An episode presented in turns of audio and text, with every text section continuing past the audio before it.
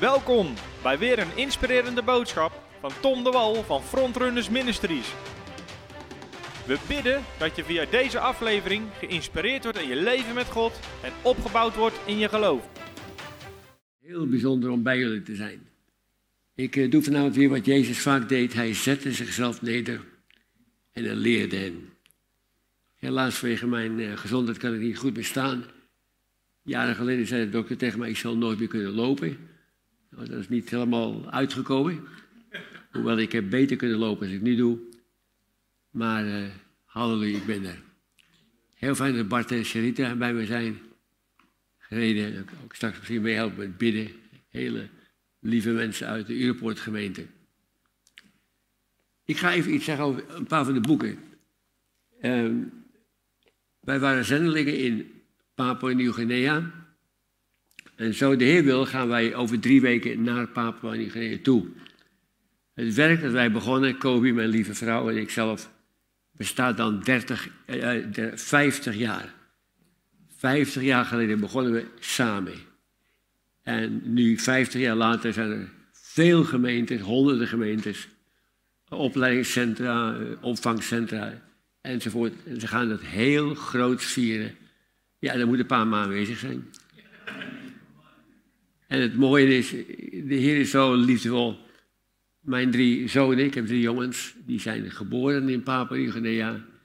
En een jaar of twee geleden heeft iemand ons een hele grote gift gegeven om met, samen naar Papua Nieuw-Guinea te gaan. Dus de drie jongens gaan mee. Eén vliegt over uit Zuid-Afrika, die woont in Zuid-Afrika. De andere, die woont in Duitsland, maar vlakbij Nederland. En Daniel, mijn zoon, die ook voorganger is in Rotterdam, gaat ook mee. En uh, heel bijzonder, 50 jaar. De eerste tocht maakte ik helemaal alleen. De tweede tocht ben ik samen met Kobi daar gaan wonen. En nu kom je de, ja, honderden, duizenden mensen. We danken de Heer voor zijn genade.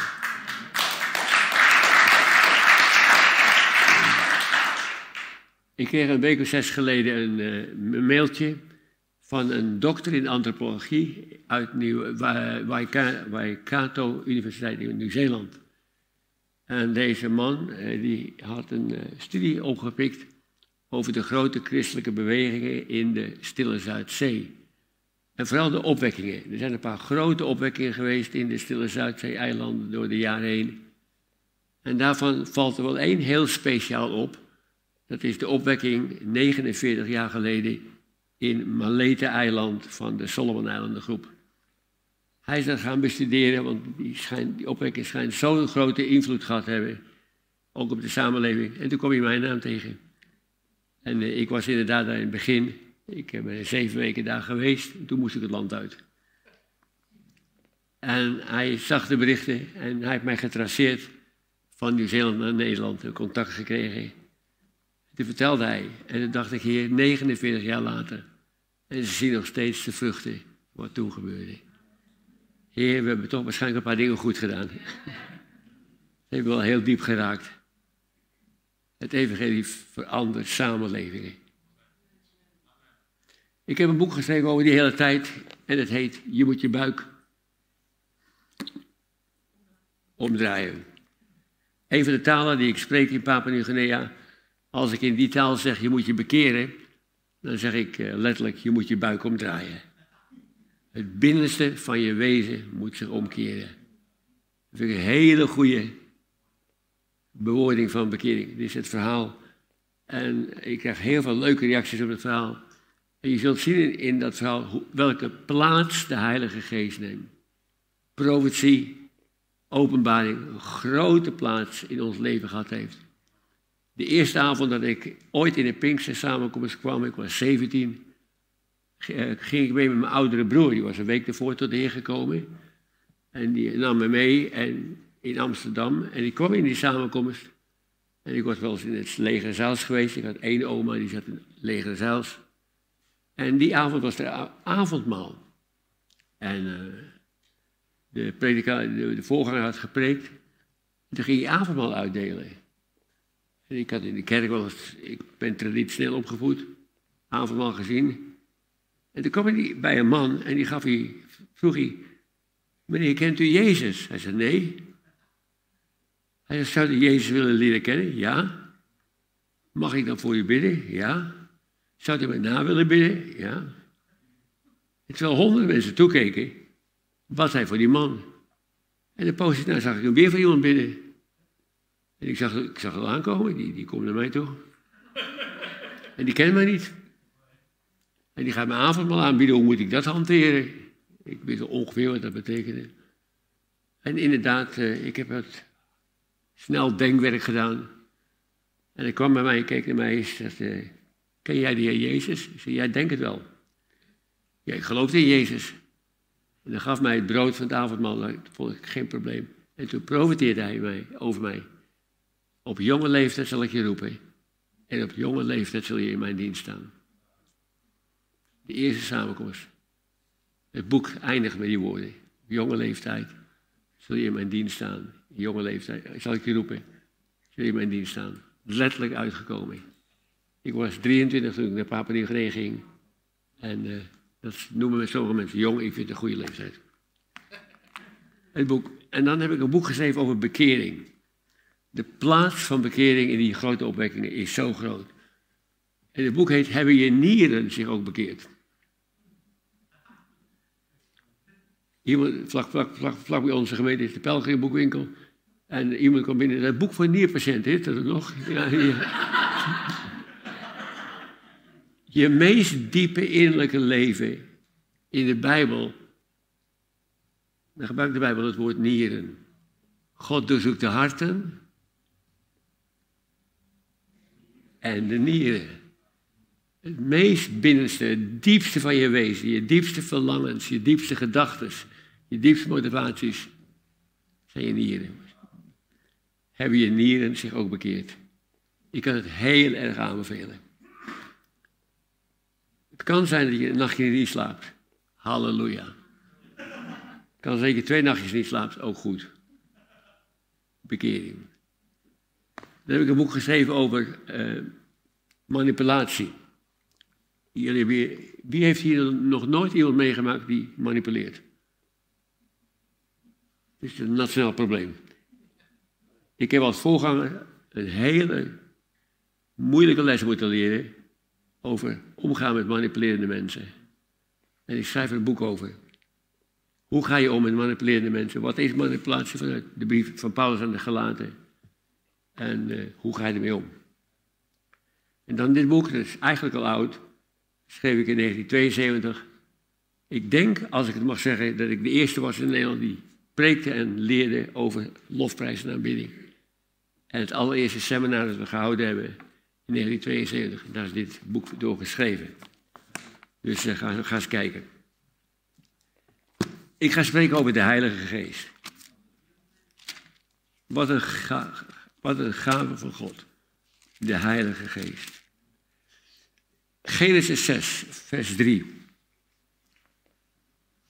Misschien wel even de meest tragische Bijbelversen in de Bijbel. Genesis 6, vers 3. Tragisch. Er komt straks een hele goede hoor, een hele positieve. Toen zei de Heer, mijn geest zal niet voor eeuwig met de mens twisten, omdat ook hij vlees is. Maar zijn dagen zullen 120 zijn. Wat een trieste woorden.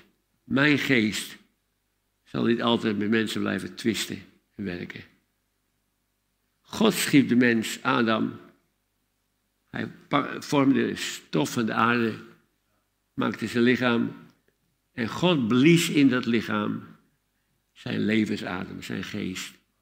En Adam werd een levende ziel. Adam werd een levend wezen. Ziel is het woord dat de Bijbel gebruikt ook voor je persoonlijkheid, je hele wezen. Maar God had in Adam ingeblazen zijn levensadem, zijn geest. Het diepste van Adams wezen, de bron van zijn wezen, diep binnenin, was de geest van God. En Adam, dat was Gods plan, zou leven vanuit die bron binnenin hem. Leven in de geest. En door te eten van de boom van, de boom van het leven, de boom des levens, daar regelmatig van te eten, zou Adam dat leven in de geest voeden. Door de zonde verlies Adam dat en Eva. Ze verloren de mogelijkheid om in de geest te leven en in de geest te functioneren. En eigenlijk kun je zeggen, de mens werd veroordeeld om in het natuurlijke te leven. De mens was God kwijt. De mens moest vanuit zijn natuurlijke mens leven. Het verstand, de redenering, de overleggingen. Niet langer de geest binnenin, niet langer die innerlijke bron van de geest, maar het verstand. Om de mens toch nog een beetje in goede banen te leiden, gaf God de wet. Maar de wet is autoriteit die van buitenaf naar je toe komt en jou zegt hoe je moet leven. Maar niet van binnenuit. Tragisch. De mens kon niet langer leven in de geest, kon niet langer leven in Gods dimensie. Maar God wist, het gaat anders worden. Jezus zou komen. En in het Oude Testament zie je dat er van tijd tot tijd mensen waren die vervuld waren met de Heilige Geest. Maar het was heel vaak maar een enkeling. En door de eeuw heen zie je dat. Af en toe was er één, soms meer, soms een kleine groep, vervuld met de Heilige Geest. Dat was Gods genade, maar ook profetisch voor wat zou komen. En ik wil met jullie eens gaan kijken naar een paar van die mensen, hoe de Heilige Geest werkte in hun leven. In het Oude Testament. En dan uitleggen naar het Nieuwe Testament. De eerste die ik ga pakken is Abraham. Soms staat er heel duidelijk bij dat ze vol waren van de geest. Soms staat het er niet duidelijk bij, maar uit de context is het dan heel, heel duidelijk dat ze vol waren van de geest. Abraham, de vader van alle gelovigen. De man in wie God zijn plan van herstel begon. Aan Abraham. Wat ik heel leuk vind, persoonlijk. Hij was geen zendeling. Hij was geen voorganger. Hij was geen, geen, geen eh, nou ja, oudste of diaken.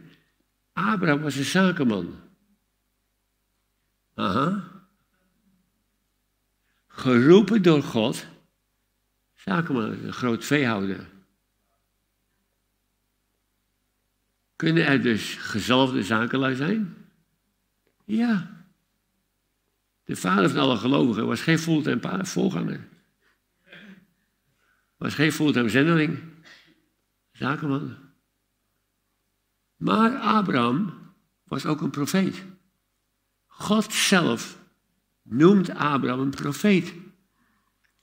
Er is geen één profetie bekend van Abraham. Toch was hij een profeet. Abraham was een, ja, ontzagwekkend een voorbidder. Zoals de weinigen waren. Als Abraham, God Abraham vertelt dat hij Sodom en Gomorra gaat straffen en oordelen, dan gaat Abraham bidden. En dan staat hij voor God, dus die God. Als, als er nog vijftig rechtvaardigen zijn in Sodom en Gomorra, gaat hij dan ook oordelen? God zegt nee. Ter willen van die vijftig zal ik niet oordelen. En Abraham beseft dat misschien het minder kan zijn. Hij zegt, 40? God zegt nee. Als er 40 zijn, zal ik niet oordelen. 30 rechtvaardigen? Ook niet. En Abraham durft bijna niet verder te gaan. Abraham is bijna te bang dat hij te ver gegaan is met God. In zijn voorbeden. Uiteindelijk zegt God, denk met beven hem, als er maar tien zijn. En God zegt, Abraham, die willen van die tien zal ik niet oordelen. En toen dorst Abraham niet verder te gaan. Zo ben geworden bijna geoordeeld, want er waren geen tien. Maar Abraham is een voorbidder voor mensen die verloren gaan. Mensen over wie God oordeel heeft uitgesproken. En hij is een voorbidder tot het punt dat, dat hij te bang, is dat hij met God te ver gegaan is. Zo gepassioneerd voor anderen. Dat is het patroon van Abraham. In dat opzicht was hij een profeet. Ik hoor heel veel over de profetische bediening. Maak ik me geen zorgen, ik geloof erin met mijn hele hart. Maar heel over wat wij profeten noemen zijn helemaal geen profeten.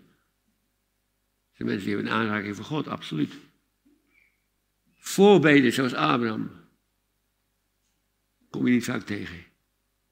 Mensen die God vasthouden totdat er iets gebeurt. Ik heb eens, één keer zelf een moment meegemaakt in Papua Nieuw-Guinea. Het is te, te persoonlijk. Dat ik zo intens, zo intens voor dat land gebeden heb. Voor dat volk, dat ik bang werd. Dat ik bijna te ver ging. Ik heb zelf één keer zo'n moment meegemaakt. Ik zeg niet dat ik een profeet ben, ben, ben ik niet. Voorbeden. Sommige mensen denken dat profeten zijn groot vanwege hun. Abraham heeft nooit geprofeteerd. Maar wat een voorbeden. Ontroerend. De volgende die we tegenkomen in die hele lijn van het Oude Testament, die vol was van de geest, was Jozef. Heel bekend verhaal. Jozef, eh, hoe hij de gevangenis ging, eh, gegooid werd, onrechtvaardig. Deze jongeman, Jozef, werd zo onrechtvaardig behandeld. Het leven was gemeen. Het leven was onrechtvaardig. Het was niet eerlijk. Hij zat in de gevangenis. Maar in zijn situatie, Jozef wandelde met God. Dan komt het moment dat hij die dromen van de farao gaat uitleggen. En Jozef wordt onderkoning van Egypte. Er staat niets over manifestaties van de Heilige Geest. Er staat geen één moment dat hij lag op de grond te schudden. Of vallen. Ik geloof erin hoor, maak je maar geen zorgen. Maar Jozef was een politieke leider. Een zeer kundig politieke leider minister van Landbouw. Een geestvervulde man. En door de inwonende Heilige Geest in zijn leven was hij een zeer bekwame regeringsleider. Minister van Landbouw. We gaan straks een uitnodiging doen, iedereen die minister van Landbouw wil worden. Kom in. Zie, wij associëren de werking van de Heilige Geest meteen met samenkomsten, wonden tegen. Amen, amen, amen. Jozef was de regeringsleider. En door deze jonge man, hij was toen niet zo jong meer, heeft God een heel volk gered van de hongersnood. Wat wil je het liefst? Eén keer profiteren of een volk redden van de hongersnood? Het was de werking van de Heilige Geest. Na de Mozes. Prachtige figuur. Een man die eigenlijk niet meer in zichzelf geloofde. Dat geloof in zichzelf was hij lang kwijt. En dan ontmoet hij God. En God roept hem om het volk Israël te verlossen uit Egypte. En God roept hem om Farao te confronteren. Ik heb het nooit hoeven, moeten doen. Maar ik denk, hoe goed zou het zijn als ze profeten waren die regeringsleiders zouden confronteren. Een jonge man die ik getraind heb in Papua Nieuw-Guinea, die heel bekend geworden is. Ik denk dat ik wel van hem kan zeggen hij een profeet is. En uh, Benny Hinn kwam een paar jaar geleden naar Papua Nieuw-Guinea. En hij werd uitgenodigd om het parlement toe te spreken. En daar heeft de toenmalige premier openlijk de Heer Jezus aangenomen. Geweldig. Maar uh, een paar maanden daarna zat hij weer aan de drank bij de vrouwen. En die jonge man die ik getraind heb, nu het oude Charles, Charles Lappa, hoorde dat, dat, ging naar het regeringskantoor en wachtte de uitgang op de premier. De premier kwam naar buiten toe, die moest weg. Hij sprak de premier aan en zei, premier, u heeft ten aanhoren van het hele volk gezegd dat u Jezus heeft aangenomen en hem dient. Nu bent u weer bezig met alcohol en vrouwen. Als u zich niet bekeert, bent u over drie maanden de regering kwijt. En toen liep hij weg. Drie maanden daarna was hij de regering kwijt. Daardoor is hij teruggekomen tot de Heer. Daar ben ik bij betrokken geweest. Toen aardig wat tijd met doorgebracht. Heel kort daarna is hij overleden. En staan me toen, geloof ik, ik denk nog steeds dat de Heer me zijn genade wegnam. Omdat hij zijn zwakte kende. Toen kwamen de moslims in Papua-Nieuw-Guinea uit Maleisië, hoogopgeleide mensen, voor de mijnen en de mineralen. En die moslims wilden een moskee hebben in de hoofdstad. En die gingen naar de minister van Landbouw, dat was trouwens een hele invloedrijke zakenman. En vroeg om een blok land voor een moskee. Ja, dat kan wel. Ja, kan jullie een blok land geven om een moskee te bouwen. En Charles hoorde dat. Ging naar de minister van, dat was de minister van uh, politie. Van land, nee, van land. Dit, dit. En hij confronteerde hij zei, heeft u aan de moslims land gegeven om een moskee te bouwen in ons land? Hij zei, ja. Hij zei, als u dat doet, bent u over een jaar failliet. Ik ga ervoor bidden. Een jaar later was hij failliet. Zijn zaak bestaat niet meer. Ik hou van dat soort mensen. Ik hou van dat soort mensen. Mozes confronteerde Farao. Een man van wonder en tekenen. Hij gaf de wet. Was een groot leider. Vol van de Heilige Geest. Vol van de Heilige Geest. Rondom Mozes kom je een paar hele interessante mensen tegen. Ik ga er twee noemen, hele, hele interessante figuren rondom Mozes. Bezaleel en Aholiab. Die kennen jullie al. Oh ja, natuurlijk, die kennen we. God gaf Mozes opdracht een tabernakel te bouwen. Hij zette er twee mensen, die heb ik gezalfd, aangeraakt om kundig werk te kunnen doen om de tabernakel te bouwen. Met goud, met zilver, met hout, met edelstenen. En dat waren bij Bezaleel en Aholiab. Het zegt heel duidelijk, ze waren gezalfd door de geest om heel kundig werk te kunnen doen. Zodat de tabernakel gebouwd kon worden. Wat is jouw gave van de geest? Een, een goudsmid? Wat is jouw gave van de geest? Uh, diamantslijper. Ze bouwden het tabernakel. Gezalfde mensen. Wij kregen bij ons in Papua een echtpaar werken. Die kwamen oorspronkelijk uit Nederland. Via Australië, emigranten. En hun zoon Tom, 15 jaar, die uh, kwam met hem mee. En vader had in de bouw gezeten. En Tom, 15 jaar, had een aanraking van God om te bouwen.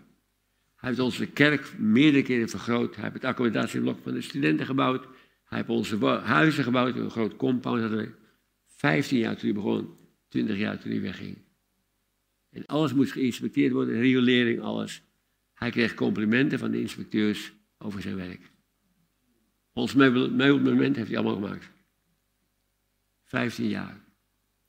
Gezalfd om te bouwen. Heel interessant. De 70 oudsten rondom Mozes. De grootste groep die ik gevonden heb die vol waren van de Heilige Geest en profiteerden. Jozua, een legerleider. Halleluja. Een legerleider. Een strijder. Maar hij wordt in de Bijbel ook een herder genoemd. Mozes heeft gebeden voor een herder die voor het volk zou ingaan en uitgaan. En dat was Jozua. Een wijze man.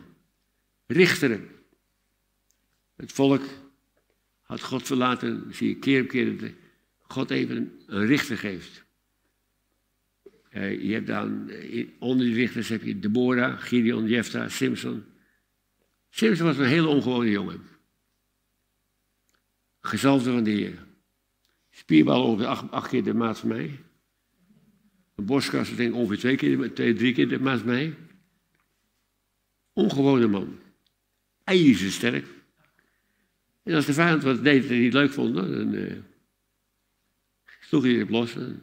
Had hij weer duizend neergeslagen. Of uh, toen in de stad in wilde gaan, heb je de poorten met uit zijn scharnieren getild en op de berg gedragen. Ongewone figuur. Uw voorganger is wel een heel ongewoon persoon, hè, die Simpson. Bent u wel zeker dat hij door God geraakt, aangeraakt is? Ja. Ja. In, uh, in Australië heb ik een keer een bezoek gehad, althans een, een tournee. van John Jacobs en his Mighty Men. En dat waren allemaal uh, ex-sterkste man van de wereld, ex-worstelaars, ex, ex, nee, al die grote. We waren allemaal te neergekomen. En die gingen een show voeren voor jonge mensen. Telefoonboeken scheuren, ijzer buigen. Fantastisch. En uh, ik ben met mijn drie jongens heen geweest. Daniel kan het goed herinneren. Boeiend. En daarna gingen ze hun getuigenis vertellen. Heel veel jonge mensen op neergeleid. Er kwam een, vrouw in de gemeente naar me toe. Ze Pastor John, zo heet ik in het Engels, Pastor John. Ik heb gehoord dat die, die hele supersterke jongens hier waren en dat ze getuigden. Maar dat kan toch niet van God zijn? Zeg, heeft u ooit van Simpson gehoord? Oh ja. Gezalfd door de geest. Ik weet niet hoe we zo iemand zou moeten hanteren in ons midden, maar goed. Het was wel een. Samuel, prachtige man, een profeet. Rut, een gewone vrouw. En dan kom ik u David. Een grote koning. Een wijs man in regeringszaken. Een profeet. Er is niemand in het Oude Testament die zoveel geprofiteerd heeft over Jezus als David. Het lijden van Jezus in de psalm is mijn geliefde onderwerp. Ik ken 33 passages. Het lijden van Jezus. Het vrederijk dat gaat komen. David heeft over geprofiteerd. Machtige daden van God. En dan is er iets heel speciaals van David. Een muzikus. Hij werd door God aangeraakt als aanbidder als muzikus. In het Engels wordt hij genoemd de Sweet Psalmist of Israël. Ik zat, ik dit voorbereidde vorige week, zat ik na te denken. Niemand heeft muziek geschreven in de hele geschiedenis die zoveel mensen, welke muziek zoveel mensen aangeraakt hebben als David. Door de eeuwen heen. Zijn muziek raakt ons nog aan. Muziek geboren uit God. Aanbidding. Wij zijn nu hoeveel jaar later? 2.500, 3000 jaar? Nog steeds. Wat een zalving. Een aanbidding. Iemand die God kent, die muziek speelt, profiteert met muziek. Mijn, mijn boek gaat er ook over. Ik, ik verlang zo intens dat we dat meer gaan zien. Ik heb een paar momenten meegemaakt dat ik dat proefde. Die vergeet je nooit meer. Ik was in een conferentie in Nieuw-Zeeland en het muziekteam vertelde mij in een voorbereiding, een oefening, had de Heer hun een melodie gegeven op een tekst uit Psalm 57. Het was zo mooi dat ze zich niet verder gaan. Morgen op, in de conferentie op het podium, maar eens kijken hoe de Heer ons leidt. En Colin Claxton, die ken ik wel, die begon, die tokkelde op zijn gitaar en citeerde de openingsversen van Psalm 57. En toen zong hij die melodie die ze hadden. En weer begon hij te tokkelen op zijn gitaar en weer zong hij die melodie. Na een poosje de muziek begon mee te doen, de trompet deed mee, de keyboard deed mee, de viool deed mee. En dan hij weer, uiteindelijk deed de gemeente mee. Het heeft twintig minuten geduurd. Ik heb die cd nog steeds 40 jaar oud nu. Ergens halverwege die cd hoor je opeens dat er veel meer stemmen bij komen. Er waren 2.500 mensen in die conferentie. En iedereen die hoorde, wat was dat? Ging een groot koor meedoen. Ja. Ja. In die conferentie heb ik op de grond gelegen, op het podium. En riep God mij om naar Japan te gaan. Papa niet Mijn taak was klaar. Ik vergeet het nooit meer. Aanbidding. David werd zo diep aangeraakt door God. Zijn gevoelens te uiten aan God. Hij was geen zangleider, met alle respect. Hij was een aanbidder. Maar nog iets verder. Koningen na David koning Salomo, Asaf, Jozef, Joas, Amazia, Uzia enzovoort. Eli en eh, eh, Elia en Elisa. Profeten. Echte, rasechte profeten. Prachtig. Maar ik vind Elisa ook zo boeiend. Elia had gezegd tegen Elisa, ik ga naar de hemel toe. En daar Elisa gezegd, ik wil een dubbel portie van uw geest. En Elia had gezegd, als je mij opziet gaan naar de hemel, zul je een dubbel portie ontvangen. En Elisa ontving een dubbel portie. Een dubbel portie van de geest, zoals die rust op Elia. Nu ga ik iets heel geks zeggen. Elia was vol van de geest en ging met de hemelse taxi naar, huis. Nu komt het hoor. Elisa was twee keer zo vol van de geest en stierf van ziekte. Wist je dat? Zegt toen Elisa ziek was met de ziekte waaraan hij zou sterven. Kan ik het uitleggen? Nee. Ze hebben begraven. En de hele tijd nadat hij begraven was, was iemand bezig een overleden man te begraven. Toen kwamen, kwamen opeens de vijanden. Die vielen aan en ze hebben het lichaam genomen van die overleden man. In het graf van Elisa gegooid. Waar alleen nog maar de beenderen waren. En gevlucht. En toen het dode lichaam van die man de beenderen van Elisa raakte, is hij opgestaan de dood. Ken je het verhaal? Misschien, uh, gek opmerking nou hoor. Beginnen voor sommige mensen hun uh, genezingsbediening poosje nadat ze overleden zijn.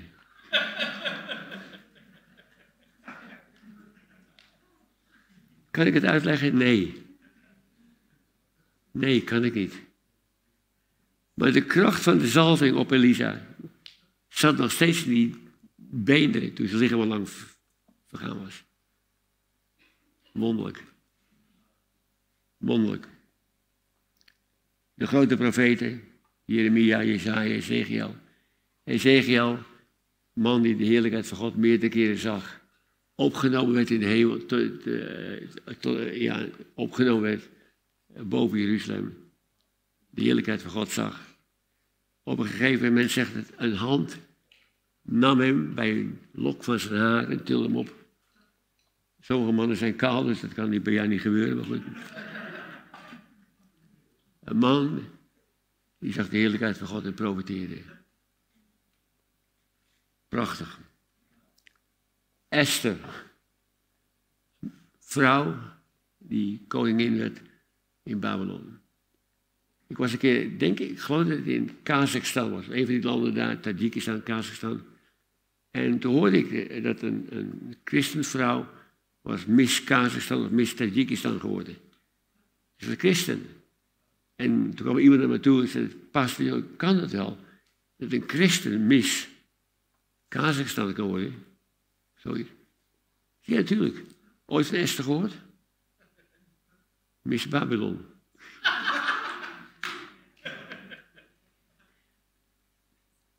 Aha. Als de dames uh, willen, gaan we voor je bidden. Miss Babylon. ik, ik zeg al dit, hoe verschillend mensen aangeraakt werden door de geest. Daniel. Wat een prachtige figuur. Schitterend. Mijn eigen zoon Daniel. Een man van geestelijk inzicht. En dan komt ook die leeuwkuil. Heel bekend verhaal. Zo onrechtvaardig. Vijftig jaar lang trouw gedienst in een heidense regering. Een afgoden dienende regering. Vijftig jaar trouw gediend. Dat bedankje wordt in de leeuwkuil gegooid. En de volgende ochtend komt de koning. Ik ga even terug. Daniel wordt in de leeuwkuil gegooid. Schudt de stof zijn kleed. Kijkt op zijn Japanse horloge. is een beetje vroeg. Ga lekker de bidstond houden. Ga ik vroeg naar bed. Hij heeft bidstond gehouden, gaat rond. Nee, deze leeuw is uh, te stoffig. Die leeuw, nee, te, te mager. Ik voel je botten. Die, ja, die is wel schoon en mollig. Jij bent mijn kussen op een nacht. En Daniel sliep in de leeuwen, leeuwkuil. En de koning kon niet slapen. Dat is goddelijke orde. En dan ik hoop dat je dit onthoudt. De volgende ochtend komt de koning. En hij zegt, David heeft de God die jij dient jou kunnen redden. De koning hield er rekening mee dat Daniel nog zou kunnen leven. Wat een getuigenis heeft Daniel achtergelaten. Vanuit zijn dagelijks leven. En dan zegt Daniel, koning, sorry, ik praat met u. Ik ga dit voorleggen aan een vakbond, want dit kan natuurlijk helemaal niet. Hè?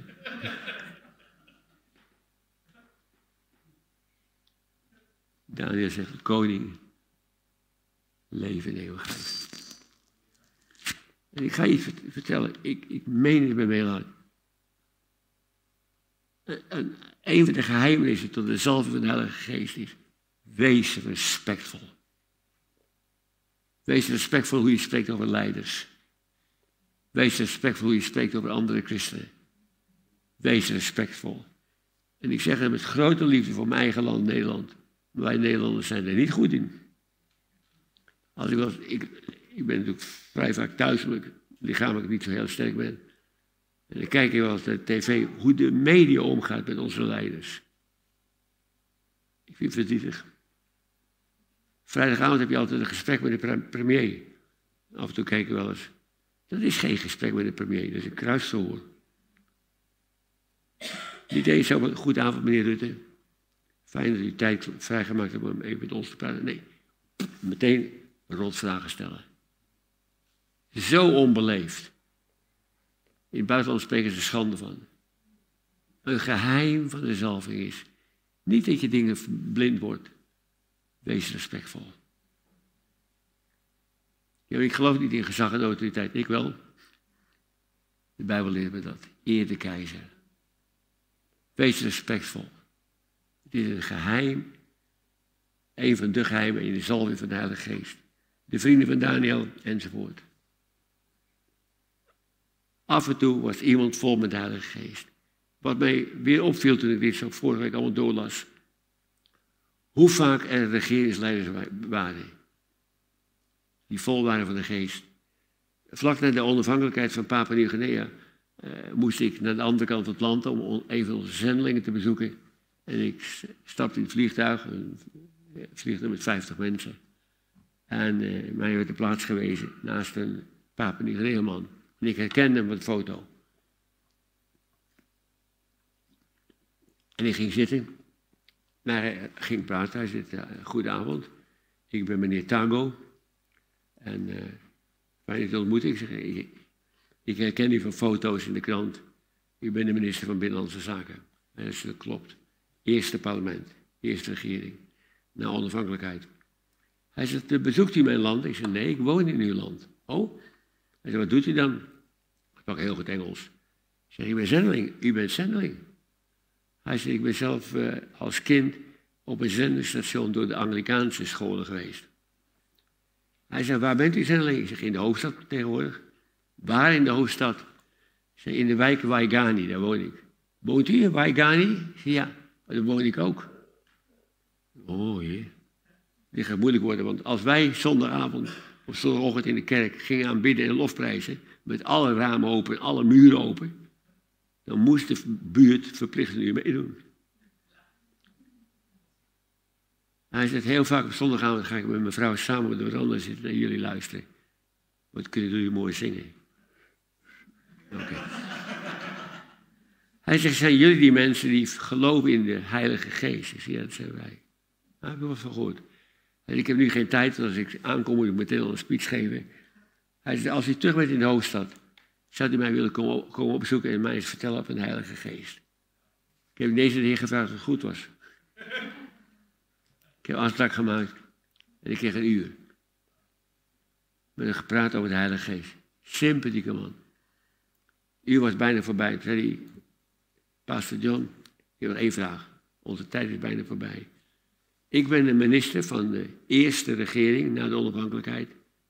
U bent de zendeling in mijn land. Welk advies kunt u mij als zendeling geven, mij als regeringsminister?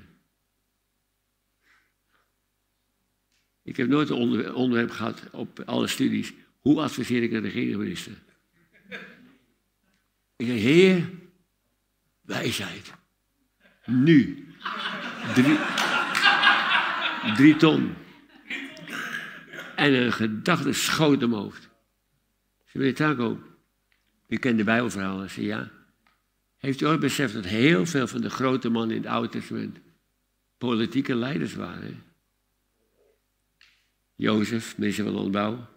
Mozes, een wetgever. David, de koning. Jozua, legerleider. Alle koningen. Heel veel van die mannen gods waren politieke leiders. Maar ze waren groot omdat ze geleerd hadden te vertrouwen op de wijsheid van God. Hij was stil en ik was stil. Een woord van wijsheid, goeiedag. Dat. Hij zei, zou u voor mij willen bidden? Ik zei, ja. Dan zou ik u graag de handen willen opleggen. Als ik zou iemand de handen op kunnen leggen, dan doe ik het. Sommigen houden dat heel mooie handen vlak boven. Nee. Voor een gebeden afscheid genomen. En ik liep terug door de gang van het eh, regeringsgebouw. Goed gedaan, jongen, goed gedaan. Ik had best wel ingenomen met mezelf dat ik dit zo goed gehanteerd had. En ik pakte de, de deurknop van de buitendeur. En de Heilige Geest sprak mij: Wat ga jij ermee doen? En ik wist dat we vanaf dat moment niet langer mensen alleen maar konden optreden als evangelist, als voorganger. We moesten mensen trainen in leiderschap in alle facetten van het leven. Dat hebben we gedaan. En wat een vruchten dat afgeworpen. Ik heb net vorige week nog contact gehad. De, eh, de rector magnificus van de Tweede Universiteit in Papua-Nieuw. Ze hebben er nu twee. Man het ons werk, Misty Beloilo. Hoofd van de universiteit. Regeringsleiders. Poosje geleden is een vrouw uit ons werk, de eerste vrouwelijke rechter geworden op de Hoge Raad. Heel veel mensen in leidinggevende, invloedrijke posities. De Heer zegt, de tegen de, de discipelen, maak de discipelen van alle naties. En dan komt die bijzondere profetie van Joel. Wat sporadisch gebeurde in het Oude Testament, gaat de norm worden in het Nieuwe Testament. Johannes de Doper heeft geprofiteerd over de komst van de Heilige Geest. Jezus sprak over de komst van de Heilige Geest. De Heer Jezus is gestorven, opgestaan naar de doden en de Pinksterdag komt. En op de Pinksterdag staat Petrus op onder een geweldige aanraking van de Heilige Geest. En die profeteert, daarna zal het geschieden dat ik mijn geest zal uitstorten op alle vlees. Niet langer sporadisch hier en daar. Niet langer een enkeling in, in een generatie of een paar in een generatie of soms niemand. Ik ga mijn geest uitstorten op alle vlees. Uw zonen en uw dochters zullen profiteren. Uw ouderen zullen dromen dromen. Uw jonge mannen zullen visioenen zien. Ja, zelfs op de dienaren en mijn dienaressen zal ik mijn geest in die dagen uitstorten enzovoort. Mijn geest zal komen op elke gelovige. Niet langer op een enkeling, het is nu voor iedereen. En op de Pinksterdag werden eerst bijna 120 mensen vervuld met de Geest.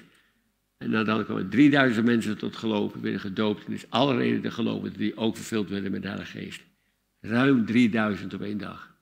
Nooit eerder gebeurd. Al Gods kinderen, vol van de Heilige Geest. En dan natuurlijk zegt het ook, voordat de Heer terugkomt, wereldwijd een uitstorting zal zijn van de Heilige Geest. Maar als je de Heilige Geest bestudeert in het Oude Testament, hoe die werkte, en je gaat kijken naar vandaag. Ik vind het zo'n uitdaging.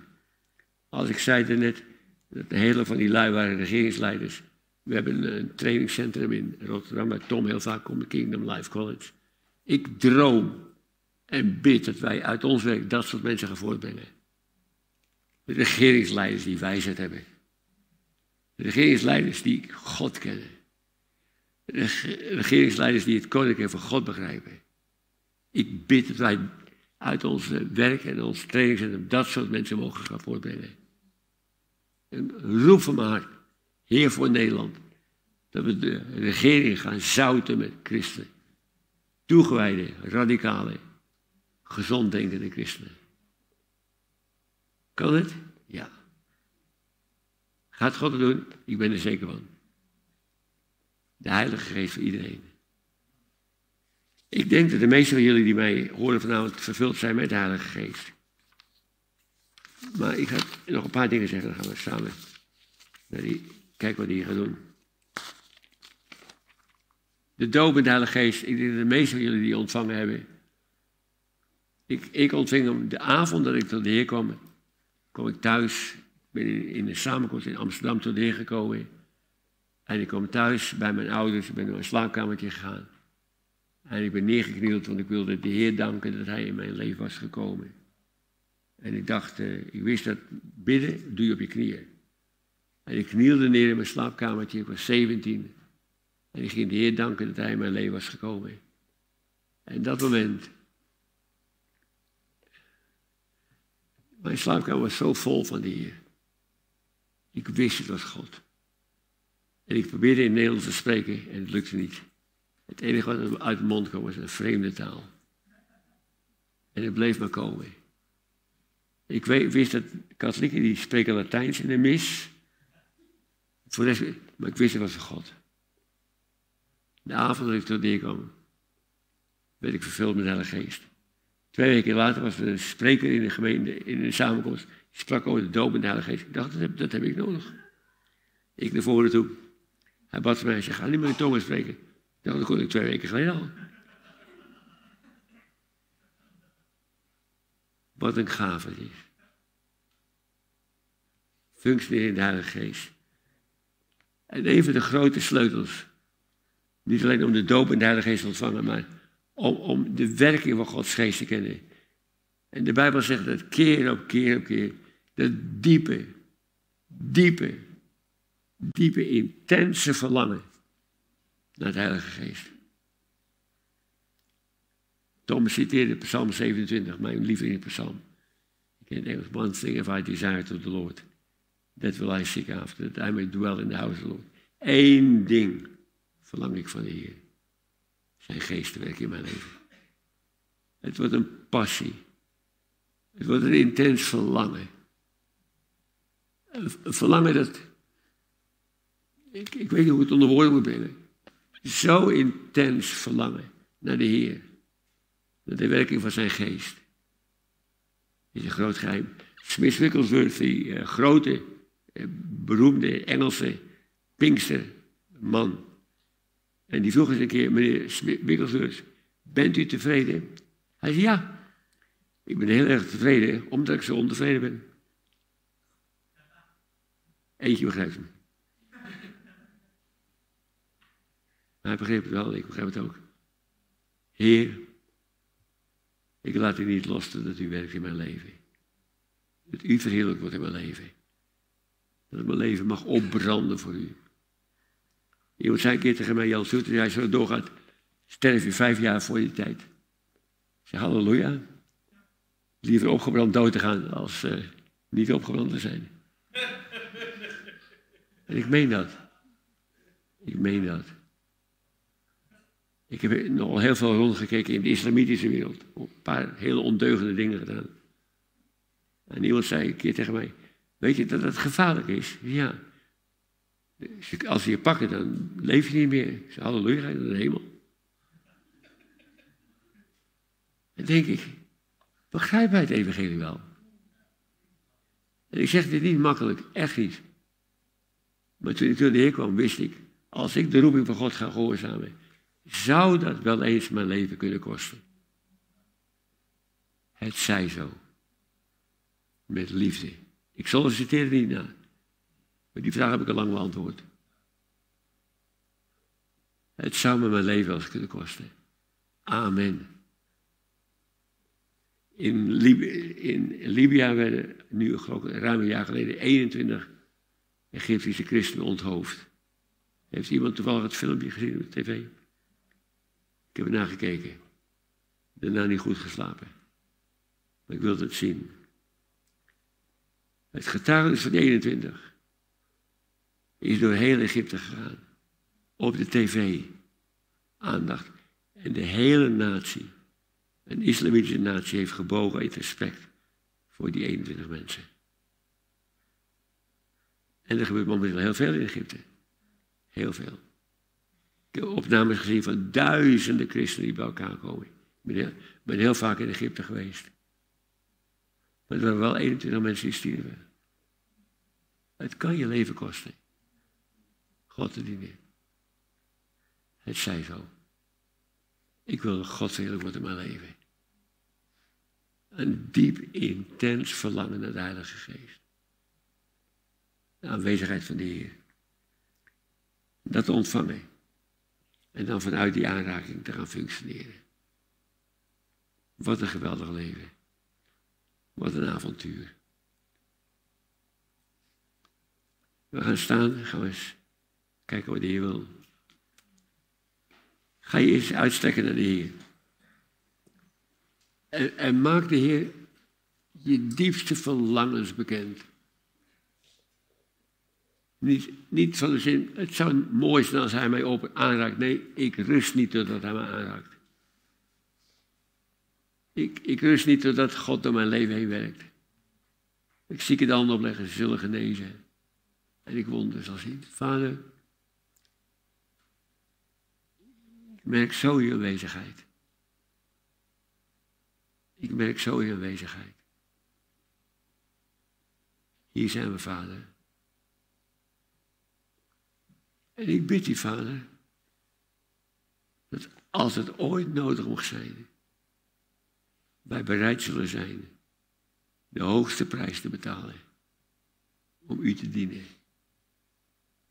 Natuurlijk, Heer, hopen we dat het niet nodig is, maar als het nodig is, dat ons leven zo u toebehoort. Dat het zo zal zijn. Heer, er worden op het ogenblik veel christenen rond de wereld vermoord. Omdat ze christen zijn. En wij zijn niet beter. Heer, ik bid voor die toewijding. Die passie. Dat intense verlangen. Om u te zien werken.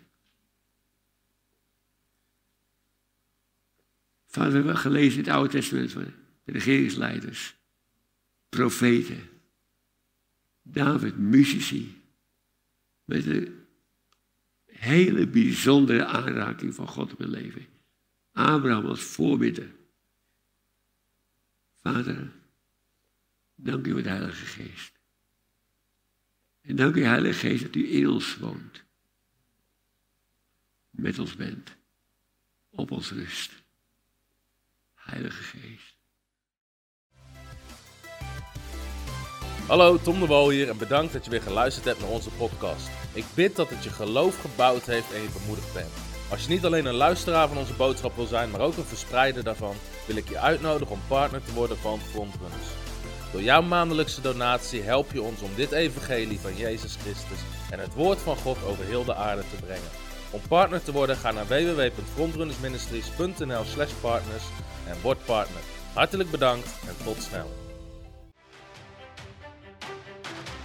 Heb je ook zo genoten van deze inspirerende boodschap van Tom de Wal? Abonneer je dan op deze podcast. Volg ons op Facebook en op Instagram en kijk op onze website frontrunnersministries.nl.